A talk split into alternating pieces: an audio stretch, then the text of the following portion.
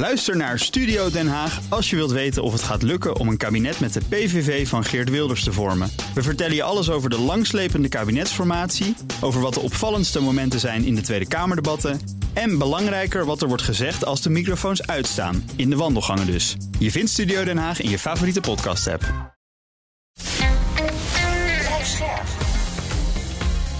BNR Nieuwsradio. Napleiten. Wouter Laumans en Christian Vlokstra. Je kunt je bijna niet voorstellen dat zo'n vrouw dan op een gegeven moment denkt... nou ja, weet je, het is nu klaar. En misschien omdat hij een borreltje te veel had gedronken... dat je op een gegeven moment in de keuken staat, een soepje aan het opwarmen bent. Je ziet dat mes en je denkt, ja, nou ja, ik steek hem neer.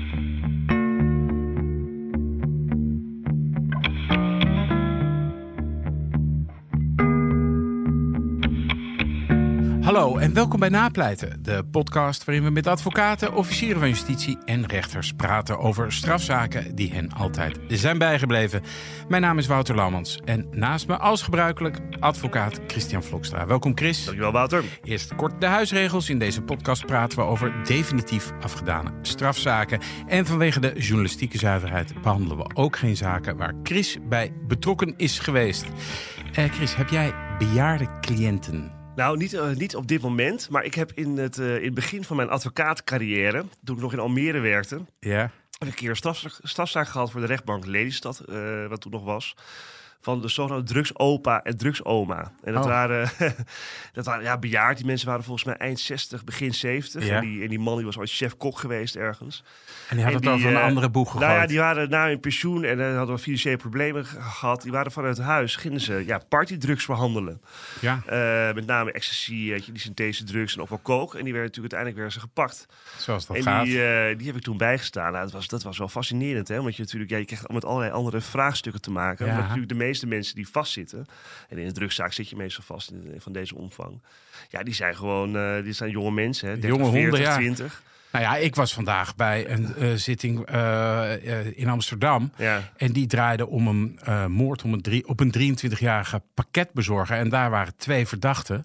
Die hadden deze jongen volgens het Openbaar Ministerie, want er is nog geen uitspraak geweest, maar die hadden hem je- echt maandenlang geschaduwd met pijlbakens. Maar die werden, de e- ene verdachte die was eh, eh, 72 en de andere 73. Die, kwa- die kwamen met rollators en, Ja. en rolstoelen Ja. kwamen die binnen.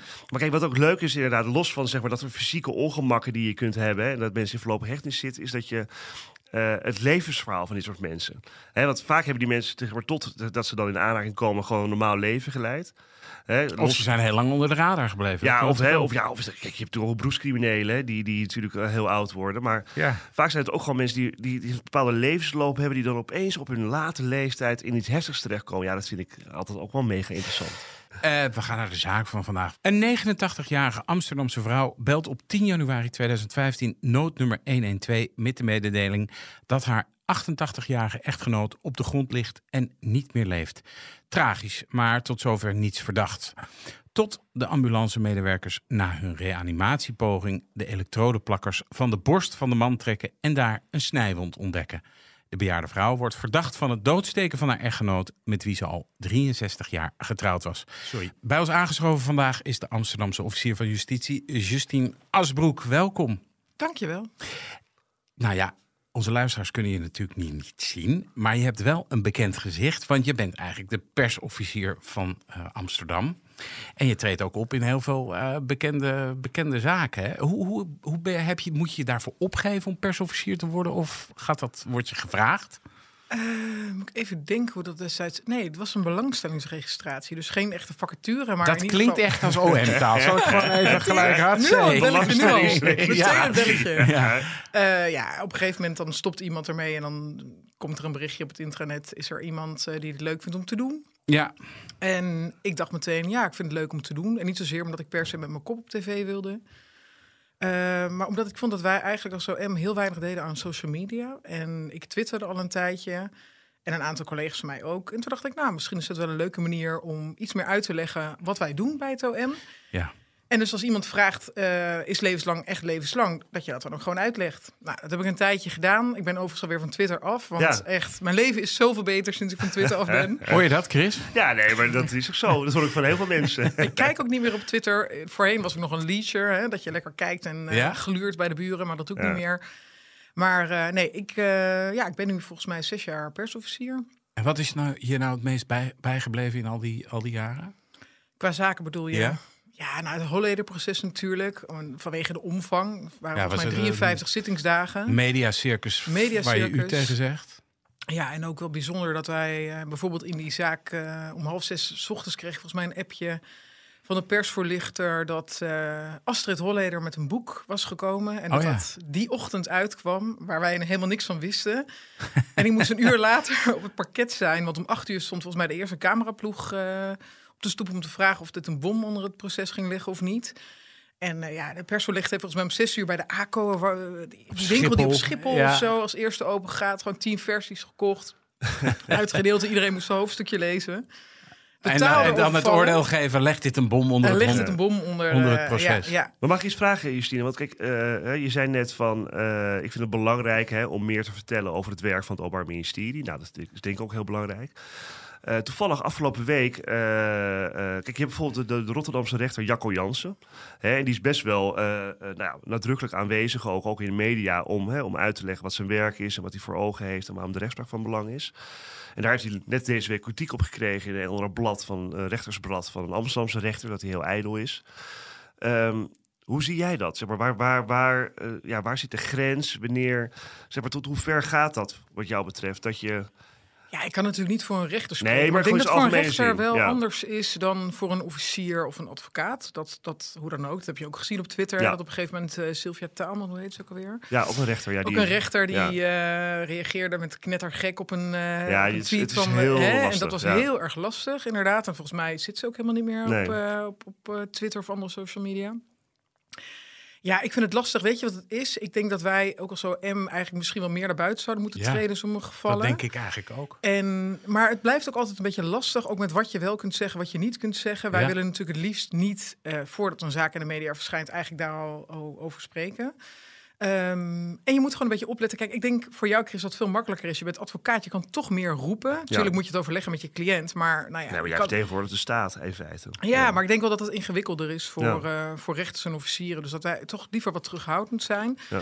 Maar ehm, ik zal eh, hè, jouw eh, tip, Wouter, om meer eh, in de media te verschijnen, doorgeven Nou aan ja, nee, ik denk- mensen. Ik denk heel vaak dat het heel belangrijk is dat eh, officieren van justitie in de media eh, komen, omdat heel veel mensen inderdaad gewoon helemaal niet weten wat een officier van justitie eigenlijk doet. Een officier van justitie die leidt natuurlijk het onderzoek. En heel veel mensen denken dan van, nou ik weet niet wat voor verjaardagsvragen, we hebben hier vaak over verjaardagsvragen, maar wat voor verjaardagsvragen jij kijkt, krijgt, maar dat zal echt wel iets in de ge... En veroordeel je dan mensen? Of weet je, mensen Ja. hebben vaak helemaal geen idee. Ik heb me er echt over verbaasd. En ik vind ook dat het echt in het onderwijs aan bod moet komen. Dat Ja. echt dat gewoon een vak moet worden. Eigenlijk al op de basisschool. Recht. Je recht. Ja, Ja. recht en maatschappij of weet ik veel hoe je het wil Ja, noemen. staatsrecht, strafrecht zeker. Staatsrecht, bestuursrecht, ja. Ik kreeg op een gegeven moment gewoon op het schoolplein, eh, gewoon van een hoogopgeleide ouder, de vraag: eh, wat, ja, wat doe jij eigenlijk? Eh, ik zei, nou, ben officier van justitie. Oh, wat leuk. Doe jij dan civiel of straf? Ik keek natuurlijk een beetje van Ja. Strafrecht, want civiel recht is wat anders. Officieren doen per definitie strafrecht. Maar mag ik jou eens vragen, even Wouter, ja, sorry, het is een beetje raar in, in, in Nou, dit vraag. programma. Maar kijk, jij zei net tegen, tegen Justine van, hè, van, ik vind dat het Openbaar Ministerie ook te weinig, zeg maar soms, hè, Ja. in de media naar voren komt. Terwijl ik eigenlijk wel vind dat OM best wel vaak in de media is. Hè, en, en ook haar eigen kanalen heeft, hè, via Twitter of filmpjes Mhm. of wat dan ook. Wat zijn dan dingen waarvan jij denkt, daar, daar, daar zou het OM meer naar voren moeten treden? Nou ja, als je stel, stel eh, een eis. Die, eh, Ja. en, ik snap ook dat je als OM zegt, nou, we moeten een beetje magistratelijk blijven. Dus we kunnen niet al eh, te ver voor, voor, voor de strafzaak Ja, uitlopen. voor de uitlopen. Maar als er een eis is geformuleerd en dat er dan eh, s'avonds wordt aangeschoven in de talkshow, dat gebeurt nu al wel. ja, Maar het, het is vaak toch wel een beetje een uitzondering. Het is niet. En ik denk van ja, joh, je, je zegt namens de staat hoe lang iemand, wat voor straf iemand moet krijgen. Ja. Dan is het misschien toch zinnig om dat even toe te lichten op televisie. Ik, vind, ik heb er dus altijd een beetje moeite mee. Ik weet niet welke zaak het recent was, ben ik even kwijt. Op het moment dat zeg maar, het Openbaar Ministerie die reeks doorhoudt. En voordat er dan het vonnis gewezen wordt, dat zeg maar een hoofdofficier dan aanschuift bij op één of bij zo'n talkshow. En dan zeg maar. Hè, ah ja, eh, omdat jij, omdat jij dan, omdat de advocaten dan nog niks hebben kunnen nou, zeggen. los van de advocaat, want de advocaten hebben op zichzelf altijd wel voldoende tijd en ruimte. Hè, Die- om maar die zitten er ook niet mee om eh, gewoon tijdens proforma zittingen toch al Nee, daarom. Maar het, is meer, het is meer zeg maar, in, de, in de verhouding met de rechter. Kijk, je moet je niet eh, realiseren. Het Openbaar Ministerie is zeg maar, in het Nederlands systeem magistratelijk. Hè, is onderdeel van de Ja, ja. rechterlijke macht ook. Hè, dus dat, in Zeker. die zin, als jij daar een eis Hè, en je hebt daar een onderbouwd verhaal... de media kan daar verslag van doen... en dan is het vervolgens eigenlijk aan de rechter... om daar een orde over te vellen. En als je dan... Ik weet hoe jij er naar kijkt, hoor, Justine. Op het moment dat je dan al voor dat vonnis bij op één gaat zitten... en nog eens een keer dat recitator, zeg maar, in, voor het complete publiek... nog eens een keer nader gaat duiden. Kijk, ik weet niet. Ja, doen we niet heel vaak. Nee, dat gebeurt niet heel en vaak, Ik denk nee. ook dat we niet heel vaak aanschuiven bij... Maar Wouter eh, zegt eigenlijk dat zou meer moeten ja. gebeuren. Ja. Wat, hoe kijk je daarnaar? Nou, dat weet ik niet. Ik, ik vind wel goed dat wij onze eis, eh, nou ja, niet alleen formuleren, maar ook uitleggen aan de maatschappij hè, waarom ja. we iets hebben geëist. Eh, ik ben overigens altijd heel voorzichtig met mijn bewoordingen. Ik zeg altijd, hij wordt verweten, hem wordt verweten, hij wordt van beschuldigd. Nou, Ik heb ook wel eens gehoord dat er persofficieren waren die gewoon echt zeiden, ja, hij heeft dit of dat gedaan. Dus ik ben echt wel Het voorzichtig is een daarmee. monster. ja. Precies, het is een monster. Ja. Laffe daad. Ja. Ja. nee, dus ik ben daar wel heel voorzichtig. En ik vind ook, eh, want ik krijg bijvoorbeeld ook heel vaak de vraag of eh, waarom het erg is dat de verdachte er bijvoorbeeld niet is. En dan zeg ik altijd, het is een, zijn recht om niet te verschijnen. Hè? En als hij niet wil komen, dan komt hij niet. En als de rechter er anders over denkt, nou ja, dan eh, kan Mhm. hij altijd nog komen. Maar ik, ik weet niet zozeer of wij nou elke keer in een talkshow zouden moeten gaan zitten. Dat zou ik dan eerder doen op het moment dat er een onherroepelijke uitspraak ligt. Of in ieder geval nadat eh, de rechter vonnis heeft gewezen. Misschien een eerste Ja, aanleg. Ligt maar gevoelig, daarvoor, ja. Ja, ik, ik voel het al gelijk. En dan denk ik met mijn mediahartje, denk ik gelijk, ja, dan wordt het mosterd na de maaltijd. Wie zit daar dan nog op te wachten? Snap je? Dat is, Ja. dat, maar ja, goed, het is... Maar het is inherent een beetje aan het systeem, denk ik. Ja. Kijk, op of je moet echt- allebei de partijen dan aan tafel ja, hebben. prima. Dat je zegt van, jullie als OM kunnen je oordeel over de zaak geven... en er zit een advocaat die er ook wat over Gaan we gaat het nog een keertje over doen? Ja, ja, gaan we hier ja, Ook nog een keer doen. Onze Maar wij willen het natuurlijk-. En ja. daar sla je Trial misschien by wel de spijker, media, ik hoor het al. sla je misschien wel de spa- spijker op zijn kop. Dit hoort natuurlijk in de rechtszaal te Ja. gebeuren. Ja. Ja, Maar aan de andere, ja, ja, maar ja. dus, daar ben ik het natuurlijk roerend mee eens. Maar aan de andere kant denk ik toch ook dat, eh, nou ja, we in deze mediatijden leven, waarbij eh, ja, niet iedereen altijd alles volgt en dat die media ook zo'n eh, onderdeel inmiddels is geworden van de eh, maatschappij, dat ja, dat misschien het Openbaar Ministerie daar nog het is wat een- meer onderdeel Maar het is van, een van proces, moet hè? Maar Het is een proces. Dat Ja, zie je bijvoorbeeld aan het feit dat Jacco Jansen heel nadrukkelijk naar voren treedt. Ja. En dan wordt er meteen door een rechter in Amsterdam wordt je op de vingers getikt. Dus het is ook zo binnen zo'n organisatie, als OM of als, als rechtspraak, is het niet Ja. zo makkelijk. Hè, Maar om- heb jij dat dan ook wel eens? Dat mensen zeggen, nou, tut, tut, tut. eh, Ja. Justine kan ook wel een onsje minder. Nou, eigenlijk heb ik dat niet heel vaak Nee. gehoord. Misschien een advocaat. Nee, maar, nee, maar Misschien een intern. advocaat die aan tafel intern. zit. Maar jij bent heel terughoudend eigenlijk wel. Ik ben wel redelijk terughoudend, denk ik. Ik ben wel voorzichtig met mijn uitspraken, laat ik het zo zeggen. Ook omdat, en dat is niet onbelangrijk, het natuurlijk wel verhard is. Vroeger was de officier, de persofficier, eigenlijk meer de boodschapper. Dus hè, Ja. eh, de zaaksofficier doet de zitting, of hè, de zittingsofficier in dit geval. En je merkt wel dat ook de, de persofficieren wat meer eh, voor de kiezer krijgen in dat opzicht Ja. Omdat wij wel verhaal doen voor tv. En zeker in tijden waarin hè, de mensen die op zitting staan minder gefilmd worden, minder eh, hè, worden vermeld. Ja, Ja. dus Maar, ja, maar mag daar iets over vragen? Want dat zie je natuurlijk vaak nu in, in het, dat merk jij ook denk ik, in, in hele gevoelige zaken of in zware misdaadzaken. Dat ja, de zaaksofficieren eigenlijk, waar ze vroeger nog op beeld kwamen of met naam hè, in de krant kwamen, worden ze nu afgeschermd. Mhm. Maar jij staat daar wel naast OM. Dus dan, ik bedoel, jij bent dan op zich op dat moment het gezicht van Ja. het OM voor die camera van AT5 of Ja. de NOS. Om, om, hoe Ja. werkt dat voor jou dan? Want ik bedoel, nou, dat werkt voor mij niet. Nee, precies, nee, maar- ik sta er gewoon. Ja, en ik maar, sta, hoort- maar dan ben jij wel het gezicht van die zaak geworden. Dat klopt. En dat heeft soms ook wel, eh, nou ja, vervelende kanten. Dat Ja. eh, is in het verleden wel eens gebeurd. Ja. Maar dat is Oh, ook dat niet. je dat herkend niet werd of aangesproken. Oh ja hoor, aangesproken, wel een keer geïntimideerd. Oh, echt? Eh, ja, ja, ja, daar ga ik verder niet over in detail treden. Nee. Maar dat, dat gebeurt zeker wel. Ja. Omdat ze op een gegeven moment ja, niemand anders meer hebben eh, wie ze zich kunnen richten. Ja. Dus Hé, daar heb je die vrouw die... eh, zo. ja, ja. die Nou, je, lelijk bent al, je bent al lang, dus ja, je, Ja. Bent, je bent snel te herkennen. Ja. Eh, Justine, je hebt een zaak gekozen die stamt uit jouw tijd in opleiding tot officier van justitie. En toen zat je bij de recherche. En waarom heb je deze zaak uitgekozen? Ik moest natuurlijk even nadenken om met een bijzondere zaak te komen. Ik dacht, ja, ik ga niet iets meenemen uit mijn tijd als persofficier. Ehm, en ik zit zelf nu privé een beetje in een mantelzorgtaken. Ik ben een oude vader. En eh, ik moest ineens denken aan een zaak van eh, een 87-jarige vrouw die eh, haar echtgenoot heeft omgebracht. Tenminste, daar werd ze van verdacht. Dus uiteindelijk ook voor veroordeeld. Eh, ja, wat zo uitzonderlijk is, het gebeurt natuurlijk niet zo vaak dat je een eh, hoogbejaarde verdachte op zitting hebt. Wat mocht jij doen? Want je bent eh, op dat moment in opleiding om officier van justitie te worden. Wat mag je dan doen bij de recherche? Mag jij dan ook gewoon daar naar binnen? Of hoe werkt dat? Eh, je krijgt aan het begin gewoon een pasje, dus dat je gewoon elke dag daar binnen kunt. Ik zat toen bij de districtsrecherche in Oost. De DRR? De DR, nee, de DR in Oh, Oost, niet de DR. Een belletje, belletje. Belletje, belletje. Oh, is natuurlijk, De eh, ja, Oost. ja. op de Linnaeus. Ehm, ja, in het begin is het natuurlijk, je voelt je een beetje ongemakkelijk. Want je denkt echt van, wat kom ik hier doen? Ik weet helemaal van niks. Hoe oud Eh, was je toen, als ik vragen mag? Was je echt beginnend eh, in, de, in die opleiding, of niet? Eh, nee, het was aan het eind van mijn opleiding. Ehm 2015, dat is nu acht jaar geleden. Toen was ik 26.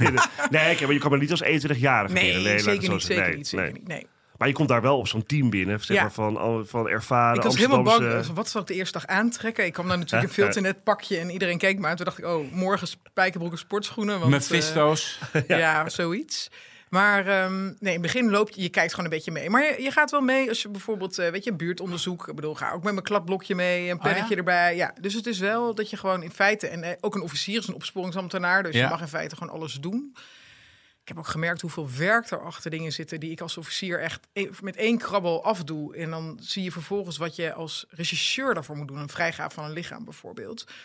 Dus ehm, Wat, wat, wat, Ja. wat- ja, wat dat is van, joh, geef dat lichaam maar vrij. We zijn klaar met Nee, je het wordt geweld door de schouwarts. van justitie, hè, ja. En dan eh, komt er een formuliertje en eh, daar staat een soort heel kort tekstje in. En dan hoef ik alleen maar een krabbel te zetten. Maar aan die kant heb ik dus hè, een vrijgave van een lichaam moeten regelen. Nou, dan moest ik tien formulieren voor invullen. En de burgemeester dit en... en Ja, dat is echt verschrikkelijk. ja.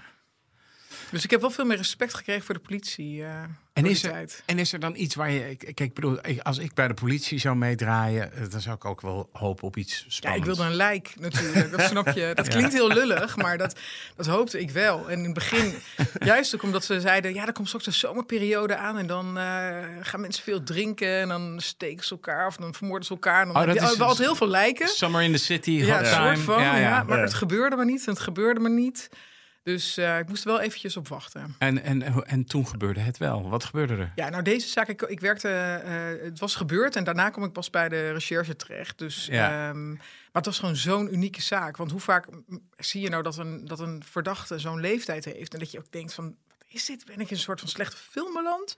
Ja, want wat was de informatie die jullie hadden in het begin? Want de- Nou, de- dit, in dus, eerste eh, instantie- toen jij erbij kwam, Ja. lichaam al gevonden, dat heb je niet bij. Je bent niet nee, in ik dat ben niet bij het lichaam Nee. geweest, maar bijzonder was wel dat er een 112-melding was gekomen. Er was in eerste instantie politie die in de buurt reed, eh, want de melding was niet... De melding was, ik hoorde een doffe klap en mijn man is gevallen en ik denk dat hij niet meer ademt of zo. Dus er waren politiemensen in de buurt en die zijn op die melding afgekomen. Eh, hebben nog gevraagd ook aan de vrouw van, hè, hoe ziet de woning eruit? Doet u alvast open? En ja, nog een portiekwoning, dus eerst een andere deur. En nou, het zat uiteindelijk allemaal op slot, dus er moest allemaal worden opengemaakt. Toen zijn zij begonnen met reanimeren en toen zijn ambulance eh, mensen erbij gekomen. Ja, en toen bleek dus al vrij snel dat eh, bij het aftrekken van de, van de pads van de AED... dat daar gewoon een stroom bloed uit eh, liep. En dat we dus eigenlijk wel te maken hadden met een eh, PD. Maar dat was gewoon één Een snijbond. plaatsdelict. Plaatselijk. Maar dat was één snijbond die onder die... Ja, het was een eh, heel klein sneetje. Echt, ik denk nog geen centimeter. Dus het, het, het viel helemaal niet op. Maar de eh verbalisanten die in eerste instantie te plaats waren gekomen... die zagen op, eh, op het aanrecht een soort van rode streep. En die zagen een licht roze vloeistof in het wasbakje onder de gijzer... en lichtroze op de draaiknoppen van, eh, van de gijzer. Dus dat was waarschijnlijk eh, bloed vermengd met water. Ja. Maar hoe, even zo, misschien dat je daar geen antwoord op kan geven, maar ik kan me zo voorstellen. Ik bedoel, als je iemand steekt hè, met een. eh, als dan die ambulancebroeders komen, die zien dat dan toch ook dat daar bloed uitkomt? Of hoe moet Nou, het dat lastige was in eerste instantie. ehm, waarschijnlijk is hij omgedraaid. Is hij in eerste instantie gevallen op zijn gezicht. Zijn Ja. ge- gezicht was echt heel erg bebloed. En zijn onderarmen ook. Eh, of één van zijn onderarmen. Dus in eerste instantie ja, wisten ze niet helemaal wat er nou aan de hand was. En je weet bij oude mensen, die slikken vaak bloedverdunners. Dus dan Ja, hoeft het het helemaal niet zo heftig te zijn. ja. Maar dan gaat het ontzettend bloeden. Ehm, en toen ze zijn begonnen met reanimeren, eh, toen kwamen ze dus bij het aftrekken van zo'n pet erachter. Ja, toen, toen kwam er zoveel bloed uit Ja. Oh jee. dat er een, dat er een sprake moest zijn van een, eh, in ieder geval een, een wond onder zijn oksel. En wat moest jij uitzoeken toen? Want ik bedoel, dat dit lijkt me een 1 2 toch? Nou, de, de- dit is niet goed. Mevrouw, komt u maar even mee. Eh, Nou, het ging niet zo van mevrouw meteen, kom maar mee. Die- Mevrouw was op dat moment heel erg verward. En eh, haar adem riekte naar alcohol, zodat we zoals we dat in mooi Nederlands zeggen. ja. Ja. Dus ze had wel wat gedronken ook. En eh, nou, uiteindelijk, wat, ja, je gaat zo iemand neem je uiteindelijk wel mee. Want toen ze door hadden van, nou ja, dit is waarschijnlijk bloed. En het is een steekwond. En godzijdank hadden, alle, eh, hadden de twee verbalisanten in de woning gecheckt of alles dicht, dicht zat. En dat was het geval. Dus er waren De ook geen en derde en deuren en ramen. ja, ja. Dus er waren ook geen derde. Dus ja, toen werd zij toch wel vrij snel eh, eh, aangehouden buiten heterdaad. En mee naar het bureau. En dan zit je daar op het bureau met een vrouw van toen 87. Die dan in zo'n ophoudcelletje moet zitten. Dat is natuurlijk echt een heel raar Maar toen zat je er wel al bij, bij dit hele Nee, nee, nee. Toen, dit is natuurlijk achteraf. Ja. Maar ehm, ja, en dan ga je uiteindelijk moet je natuurlijk zo iemand verhoren. En dat gebeurt dan met, eh, dan mag je zo op het belletje drukken, denk ik, VKV'ers. Nou, dan ga ik drukken. Verhoorders, kwetsbare verdachten. Ja. Want dat zijn speciaal getrainde mensen die eh, hele jeugdige verdachten kunnen Ja. horen. Eh, mensen die ja, gewoon kwetsbaar zijn omdat ze bijvoorbeeld een hele verstandelijke beperking hebben of iets dergelijks. Maar dus ook bij hele oude verdachten. En daar is eigenlijk mee begonnen met, eh, met het horen van die mevrouw. En ze zei al vrij snel dat, eh, dat, ze, dat zij het in ieder geval niet had gedaan. Dat zei ze meteen. En eh, toen werd ze vrij snel geconfronteerd met eh, hè, bloed dat was aangetroffen. En een mes in een messenblok eh, wat in beslag is genomen. Was dat een groot mes of was het... Was het een- Nee, het, het was niet een heel groot mes. Ehm, en zij zei toen van, ja, dat mes gebruik ik altijd om biefstuk van te snij- mee te snijden. Dus dat, dat bloedlijntje moet daarvan zijn. Want afgelopen vrijdag had ze een biefstukje gesneden. En dat was zo'n lekker scherp mes. Dat was gebleken. En Zijn vezel, of de vezels van zijn trui zaten er ook nog op. En haar Eh, DNA waarschijnlijk. En haar. DNA, dus ja, het, Ze, ze hing. bewijstechnisch was het niet heel ingewikkeld. Maar zij bleef volhouden dat ze het niet gedaan had. Waar, wat ik, kijk, ja, ik ben journalist, dus ik ben altijd gelijk gebiologeerd door het verhaal. Heb jij dat ook als officier? In zo'n zaak zou ik toch willen weten van, nou ja, hoe leven deze mensen samen? Wat, wat, wat, is, hier, wat is hier aan Wat de is de hand? achtergrond hiervan? En eigenlijk, en, en Want je zou kunnen zeggen, joh, we hebben een mes, deze vrouw, DNA, hup, klaar, pan klaar. Deze vrouw heeft dit gedaan, er is geen andere mogelijkheid. We gaan, eh, dit, is, dit hoeven we verder niet uit te zoeken. Nee, we hadden ook niet echt. eh, de verdediging heeft, dat heeft nog wel een alternatief scenario geopperd. Maar het was voor ons eigenlijk vrij snel duidelijk dat, dat zij het gedaan had. Eh, ook al bleef ze dus keihard ontkennen. En die, die, die verhoorders, dus, dat, dat, dat werkte voor geen meter. Want die hebben haar een paar keer geprobeerd te verhoren. Elke keer als het even te moeilijk werd, dan moest ze naar de wc. Maar dat gaat natuurlijk heel, weet je, met de mantel de liefde. Hè? Van, mevrouw, gaat het met u? En nou, eh, vertel eens over die dag. Het werkte niet. En toen op een gegeven moment zei de teamchef zelf... ook zo'n ras-echte Amsterdammer, die sloeg het met zijn vuist op tafel... weg met die eh, VKV'ers, ik ga er zelf zitten. En toen zag je ineens dat die vrouw heel anders werd. Want hij zei gewoon, en nu gaat u vertellen wat er gebeurd is... En ze sloeg met de vuist op tafel. En, Oh, ik heb het niet gedaan. En ze sloeg echt. Ja, wij zaten in die ruimte erachter te kijken.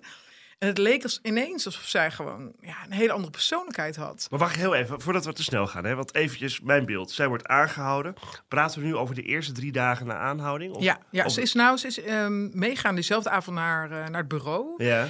Eh, ze was volgens mij om rond negen uur of zo aangehouden. En ze is uiteindelijk om half twaalf in verzekering gesteld. Maar de officier heeft toen wel gezegd... ze mag de in verzekeringstelling thuis... of in ieder geval bij familie doorbrengen. Ja. Want ze hoeft, niet naar, ze hoeft niet in een cel. Nee. Ze is later wel voorgeleid bij de rechtercommissaris. En daar hebben wij ons niet verzet tegen schorsing. Dus uiteindelijk heeft ze heel kort... eh heel kort Ja, dus nog deze verhoren vinden plaats zeg maar, in die Ja, periode. in die En periode. voor mij wanneer, wanneer raak jij nou betrokken bij deze zaak? Ik raakte betrokken. eh, nou nee, deze verhoren. Ze is de eerste keer gehoord in die eerste paar dagen. Maar die verhoren die hebben echt eh, in een periode echt van maanden plaatsgevonden. Ook omdat ze in het begin behoorlijk verward was. En ja, wij vonden ook dat een psycholoog en psychiater naar haar moesten Ja. kijken of, eh, of ze wel eh, ja, normaal functioneerde. Maar wanneer ben jij betrokken geraakt zelf? Bij, zeg maar, bij deze Bij het tweede verhoor, vanaf het tweede Ja, oké, zo vrij snel Ja, eigenlijk. Dus eerst heb je VKV'ers die dit gaan doen. En dan die teamchef, wanneer komt hij erbij? Is dat, is dat al in het begin ook al, of niet? Nee, nee, nee, want die, juist in het begin wil je zo iemand juist een Nee, kwetsbare natuurlijk, maar wel, niet- ja. maar wel in de eerste periode. Ja, nee, natuurlijk, maar die zit op gewoon als, als, als teamchef op de zaak, weet je. Dus die zaak wordt besproken met het hele team. En de een gaat het buurtonderzoek doen, de ander gaat het verhoor doen. Ja. Wat was er in die buurt? Want ik kan me voorstellen, joh, eh, als, eh, als mensen over mijn buren iets vragen, daar weet ik wel wat van. Eh, wat kwam er uit? Ik ben wel benieuwd, wat, er, wat was het beeld wat jullie hadden Ja, over ik die... het eigenlijk wel een triest verhaal, want nou, ze leiden een heel teruggetrokken bestaan. Op zich is dat niet zo heel gek op die leeftijd Nee. natuurlijk. Maar maar kregen eigenlijk nauwelijks bezoek. En uh, de buurvrouw, uh, een van de getuigen, die zei: Ja, die vrouw die begint smiddags om drie uur met drinken. En ze wordt echt heel lelijk tegen haar man. En ze zei: Het is zo erg dat ik uh, en mijn man hebben een soort van appgesprekken over als zij weer heel lelijk doet tegen de man. Dus zij zei dan echt dingen als: Ik trap je helemaal in elkaar. nou, ze vloekte en schreeuwde dan. En, en dus eigenlijk niet wat je verwacht van een soort van lief omaatje. En dat werd ook bevestigd door, uh, door andere buren. Dat ze eigenlijk ja, niet zo'n hele zachte vrouw was, maar eigenlijk gewoon een hele keiharde tante. En hadden deze mensen ook kinderen, of niet? Ja, ze hadden drie kinderen, als me niet En wat verklaarde die daarover dan? Weet je dat nog? Ja, nou, die kinderen, ik, ik kan me nog herinneren dat van uiteindelijk zijn er ook mensen getapt in dit onderzoek. Uh, en dat, dat, uh, dat zij probeerden in ieder geval een alternatief scenario te bedenken. Want ooit was er in 2014 een, een, een persoon in die woning geweest, een oplichter, die zou de sleutels hebben meegenomen. Dus ze hebben nog geprobeerd om te kijken of dat scenario stand zou houden in de rechtszaal. Maar ja, die mevrouw had zelf verklaard dat, dat er geen anderen in die woning waren. Dat ze gewoon een doffe knal hoorden, dat een man ineens op de grond lag. En dat deuren ze waren dat op die slot. deuren waren op slot. En dat, had echt, dat, was, dat was echt heel goed dat de politie Ja. dat van tevoren had gecheckt. Ehm, ja, dus, dus, dus dat verhaal dat ging eigenlijk nergens heen. En dan zit je dus in zo'n verhoorkamer. Dan komt er opeens, eh, nou ja, De teamchef. de teamchef. Ja, En wanneer is dat even qua periode? Is dat, is dat na drie, vier dagen? Of is dat pas na nee, maanden? dat was, dat was echt keer- later. Dat was echt later. Omdat zij in het begin, eh, ze is volgens mij in de eerste drie dagen verhoord. En daarna echt een paar weken later ook om een beetje een soort van te kijken. eh, Om, zij moest weer een beetje rustig ook worden. Omdat ze natuurlijk best wel verward ge- ver- Ja. eh, gedrag had vertoond. Dus die teamchef die komt. Ja, en toen werd zij dus echt heel fel. Ja, niet dat ze ineens heeft bekend. Ze Nee. zei op een gegeven moment wel van... nou, als jullie het denken, dan zal ik het wel gedaan hebben. Maar ze liet Maar ze sloeg echt meerdere keren met de vuist op tafel. En hoe feller hij werd, hoe feller zij ook werd. En op een of andere manier werkte dat dus wel beter dan... zeg maar die verhoorders van die kwetsbare eh, verdachten. Dat, Je zag ineens een ander gezicht. Ja, ineens een ander gezicht, ja. En, en, en, en in hoeverre is dat dan van belang bewijstechnisch? Dat je dat ziet? Of is het meer voor je eigen geruststelling dat je denkt van ja, ik zie het dan. Die, die, dit komt overeen met de verklaringen van de buren. Dit, dit, dit, dit klopt wel. Is dit het klopt meer voor wel, je eigen verhaal. gemoedsrust? Ja, en weet je wat? Kijk, wij hadden natuurlijk eigenlijk geen twijfel over dat zij het gedaan had eigenlijk. Ja. Maar je wil natuurlijk wel weten waarom het dan gebeurd is. En we hebben uiteindelijk natuurlijk een doorzoeking in die woning ook gedaan. En, dan, en, en het was best wel triest, want zij kon eigenlijk de zorg voor haar man niet meer aan. Tenminste, dat vermoeden, zij, eh, vermoeden wij. Want ehm, nou ja, haar bed... eh, haar kant van het bed was bijvoorbeeld heel schoon. En, en ja, de kant van haar man was gewoon echt vervuild. Zwaar vervuild. Zijn kleding, we hebben kleding van hem gevonden. Zwaar vervuild. Hij kon eigenlijk niet meer voor zichzelf zorgen. Was volledig afhankelijk eh, van zijn vrouw. En ik denk gewoon dat zij uiteindelijk... en dat heeft de rechter heeft daar ook op doorgevraagd. Hè, van, maar zij bleef ontkennen. Ik denk gewoon dat zij de zorg voor haar man gewoon niet meer aankon. En dat is eigenlijk natuurlijk wel heel trieste, dat het dan zo ver moet komen. En dat, je kunt zich bijna niet voorstellen dat zo'n vrouw dan op een gegeven moment denkt... nou ja, weet je, het is nu klaar. En misschien omdat hij een borreltje te veel had gedronken... dat je op een gegeven moment in de keuken staat, een soepje aan het opwarmen bent. Je ziet dat mes en je denkt, ja, nou ja, ik steek hem neer. Maar was iets inderdaad bekend over de omstandigheden, eh, want zij ontkende, waaronder dit gebeurd was? Het was natuurlijk in de woning gebeurd, maar was het s'avonds, ochtends, was het tijdens het avondeten, Nou, tijdens het slapen gaan, Ze poetsen? denken in ieder geval, zij heeft om, eh, even kijken, vijf over half acht in de avond heeft zij 112 gebeld. En om tien over zeven heeft ze haar kinderen gebeld. Eh, eentje nam niet op, de tweede volgens mij, eh, die had zoiets gezegd. Want ze had gezegd, ja, eh, pa ligt op de grond of zo. En toen had hij zoiets gezegd, je moet de dokter bellen. Heeft ze volgens mij geprobeerd de huisarts te bellen, maar kreeg ze een doorkiesnummer of zo. Dus dat was niet helemaal gelukt. Toen heeft ze een derde kind gebeld.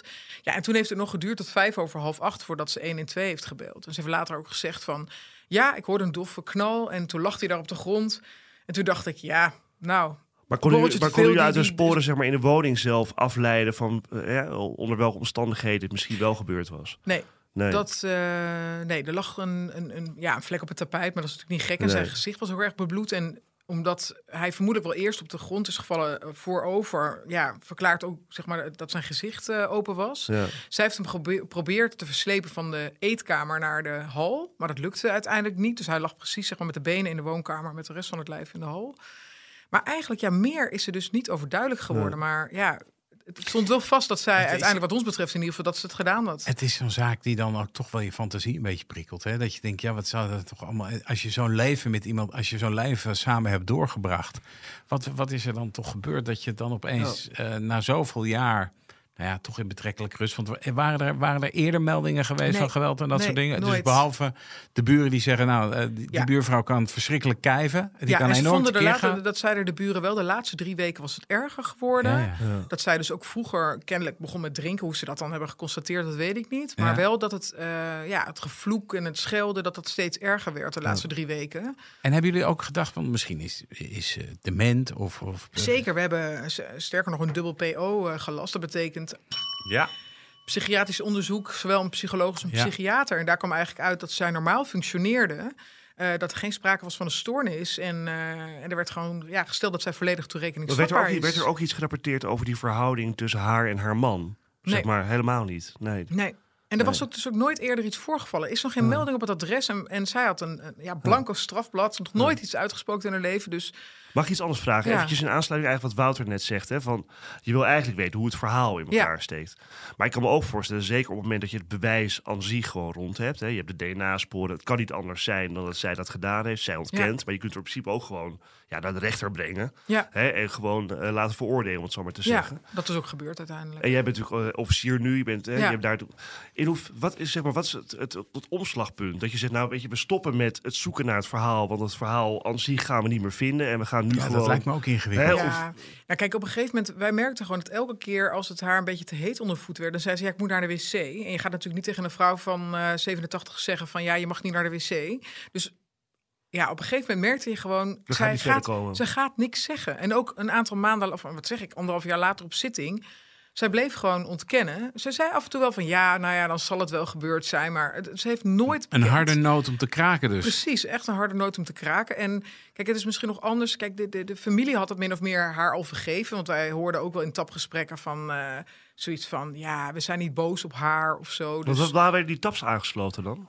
ja, om natuurlijk te kijken wat, wat, er gebeurt. was. Tuurlijk, En want er dat kwam ook, maar er kwam ook niet zo heel veel uit eigenlijk. Nee, er kwam ook niet heel veel uit. Er werd alleen maar ja, een beetje over derde gesproken. Of eh, dat, ja, dat ze niet boos op haar waren. Maar Het lijkt me dan toch Bizar. ook gek als je die taps hoort. Hè? Ja. Ja. we hebben je al vergeven. En dan, ja, oké. Het is- Alsof het zo'n privé kwestie dat je misschien denkt, ja, het is een privé kwestie, ja, laat maar is, hangen. Het is natuurlijk het is een beetje ja, maar je doet, kijk, wij doen natuurlijk een waarheidsvinden. Dus wij willen uiteindelijk dat Ja, de waarheid tuurlijk. boven tafel komt. En ja, ehm, wij denken dat de juridische waarheid al boven tafel is gekomen. Omdat, nou ja, ze is uiteindelijk natuurlijk ook ja. veroordeeld. Bewijs was er wel.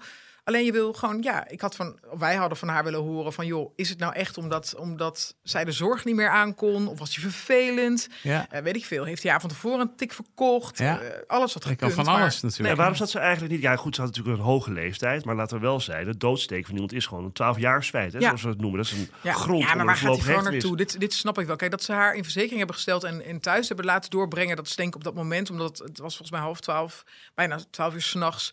Ja, waar ga je met die vrouw naartoe? Moet ze dan naar een cellencomplex op dat moment? En nou, uiteindelijk, ja, dat zijn Maar huis van geschorst is, vind bewaring ik- zijn er natuurlijk wel op zich, waar Ja. oudere mensen kunnen zitten. Ja, ja. Ja. maar ehm, ik vind het niet zo gek dat daar toen niet voor is gekozen. En ook met name omdat je denkt, van, ja, er is geen sprake van vluggen. Waar gaat die vrouw naartoe?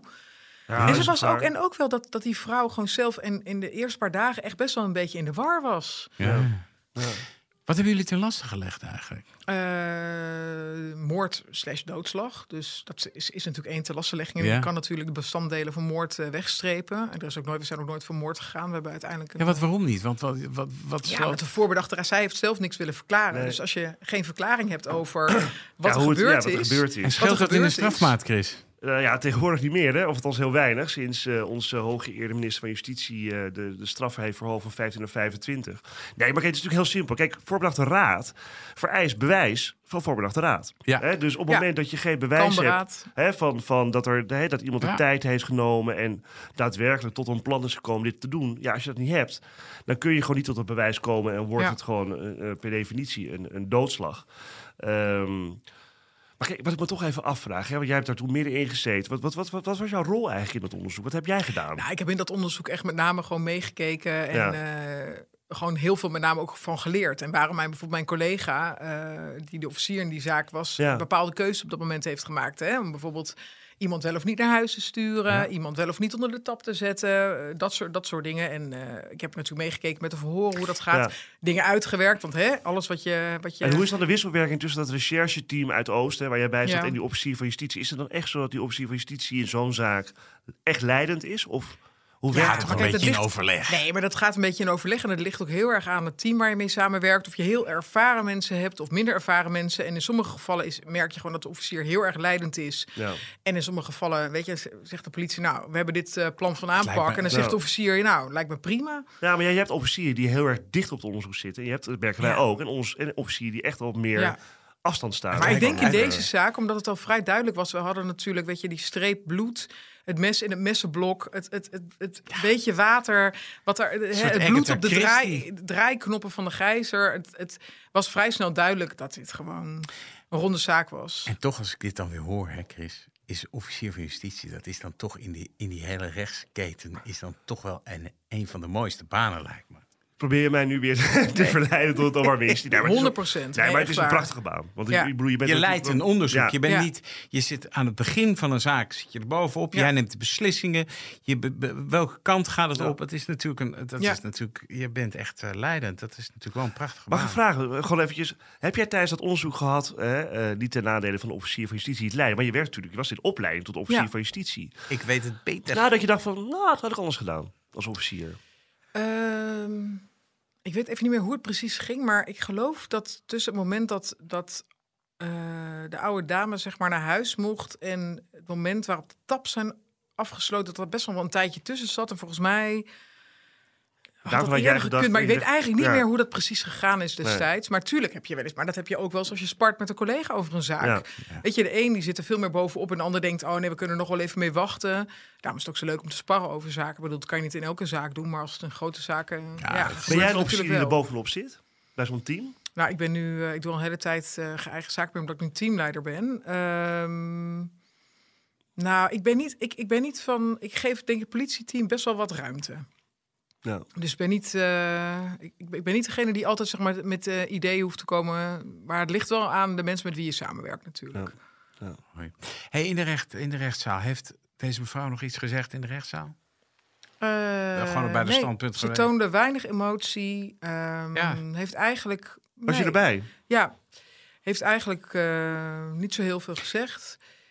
Eh, de verdediging, de, de, de raadsman kwam met het, het dat het, het, mes moest worden uitgesloten van het bewijs, omdat het eh, onrechtmatig in beslag zou zijn genomen. Er stond namelijk op een, op een KVI. eh, gaan we weer kennisneming van in beslagname. Dat is gewoon Eh, een dat het om procesverbaal. uh, procesverbaal half tien eh, s s'avonds was. De, de doorzoeking pas om half twaalf was gelast door de Dat rechtercommissaris. is een schrijffout. Maar dat was een schrijffout inderdaad. Daar kwam je vroeger een heel eind mee, hè, Chris? Nou, maar, te- de maar, tijden, maar ook in de 2000 times, maar ook in they are 2015, maar ook in changing. 2015 heb je er niks aan Nee. eigenlijk. Nee. nee. En, eh, en het eh, andere alt- eh, alternatieve scenario van eh, de oplichter die de sleutels had ontvreemd en dus naar binnen moest eh, gaan. Maar de advocaat, voor mijn gevoel, maakte er niet heel veel werk van. Omdat hij ook al wist van Ja, ja, ik denk gewoon dat er weinig. eh En was haar, viel. was haar familie, waren de kinderen er? De, haar kinderen waren die in de zaal? Kinderen, zeker, zeker. Volgens mij Hebben die twee nog- zoons en een dochter, als ik me niet vergis. En hebben die nog iets gezegd? Hebben die nog slachtofferverklaringen of zoiets? Iets Nee, nou, die hebben iets raar, gezegd ja. over eh, het minderen van de straf. Ehm, en dat ging er toen om dat zij eigenlijk vonden dat het, of tenminste, dat zei de raadsman dan, maar dat de kinderen graag voor de ouders wilden zorgen, of voor de moeder wilden zorgen. En dat ze dus om die reden een eh, geheel voorwaardelijke straf eh, wilden, zodat zij de zorg op zich konden nemen. En ik, ik, ik kan me herinneren dat dat een beetje, in ieder geval bij mij, in het verkeerde keelgat schoot. En niet om iemand zwart te maken hoor, maar omdat eigenlijk die mensen zo weinig bezoek kregen.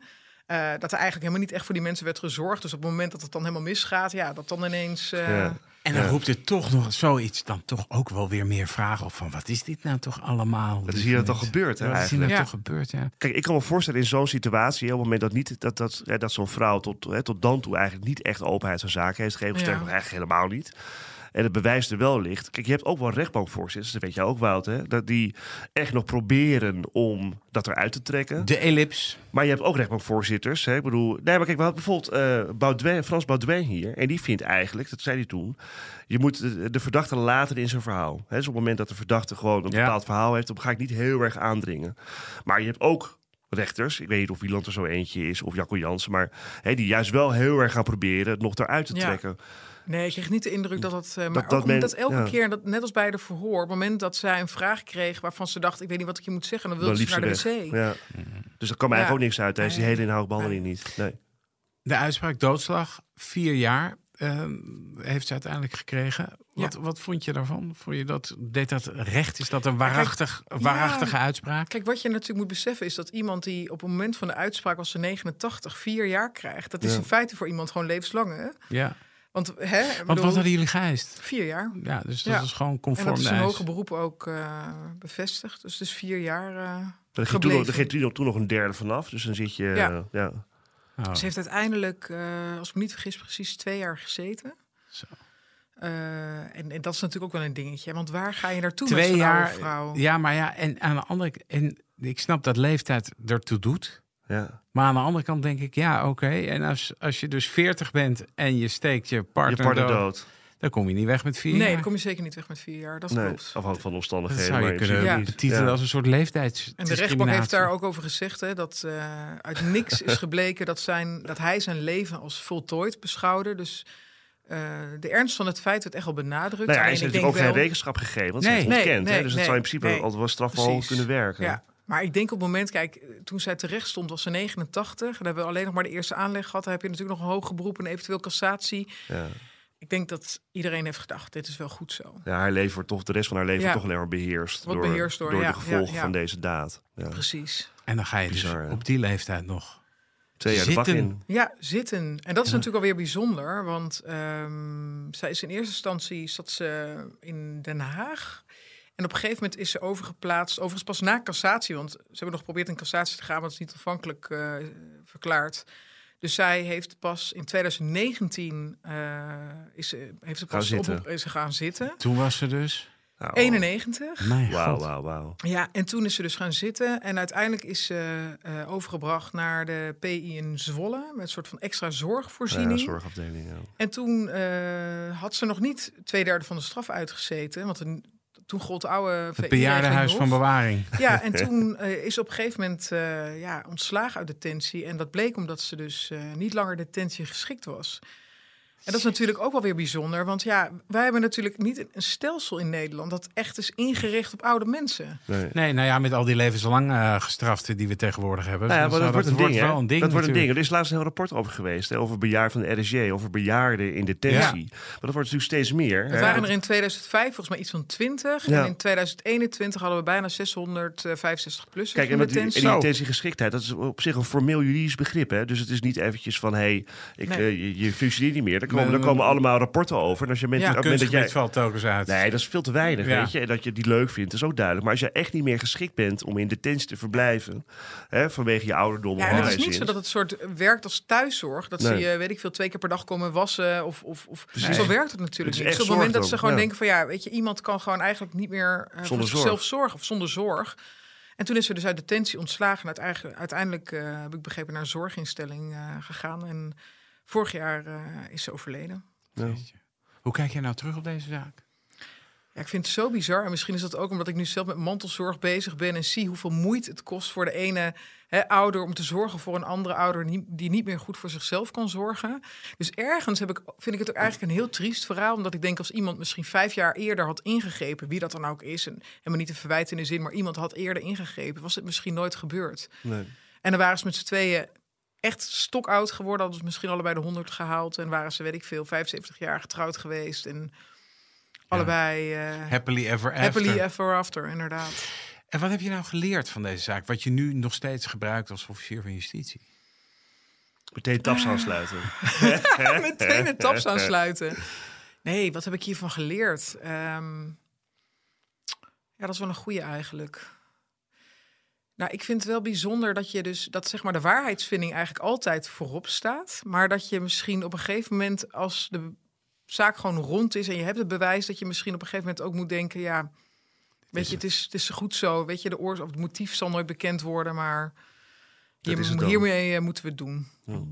Justine Asbroek, bedankt voor dit verhaal en je komst naar onze studio. Graag gedaan. Dit was Napleiten. Het vonnis en het arrest in deze zaak zijn na te lezen op rechtspraak.nl. Mijn naam is Wouter Laumans en naast me zit co-host advocaat Christian Vlokstra. Deze podcast is te beluisteren op Apple Podcasts en Spotify. Vergeet u vooral niet te abonneren, dan bent u op de hoogte als er een nieuwe aflevering online staat. Tips kunt u sturen naar napleiten.kortimedia.nl en dat schrijf je met een C. Verder zijn we te volgen op Twitter en Dank voor het luisteren en graag tot de volgende keer.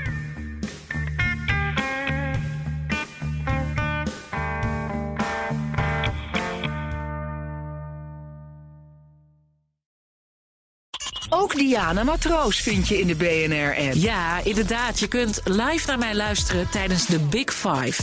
Ook handig in de BNR-app. Breaking nieuwsmeldingen, maar ook het allerlaatste zakelijke nieuws.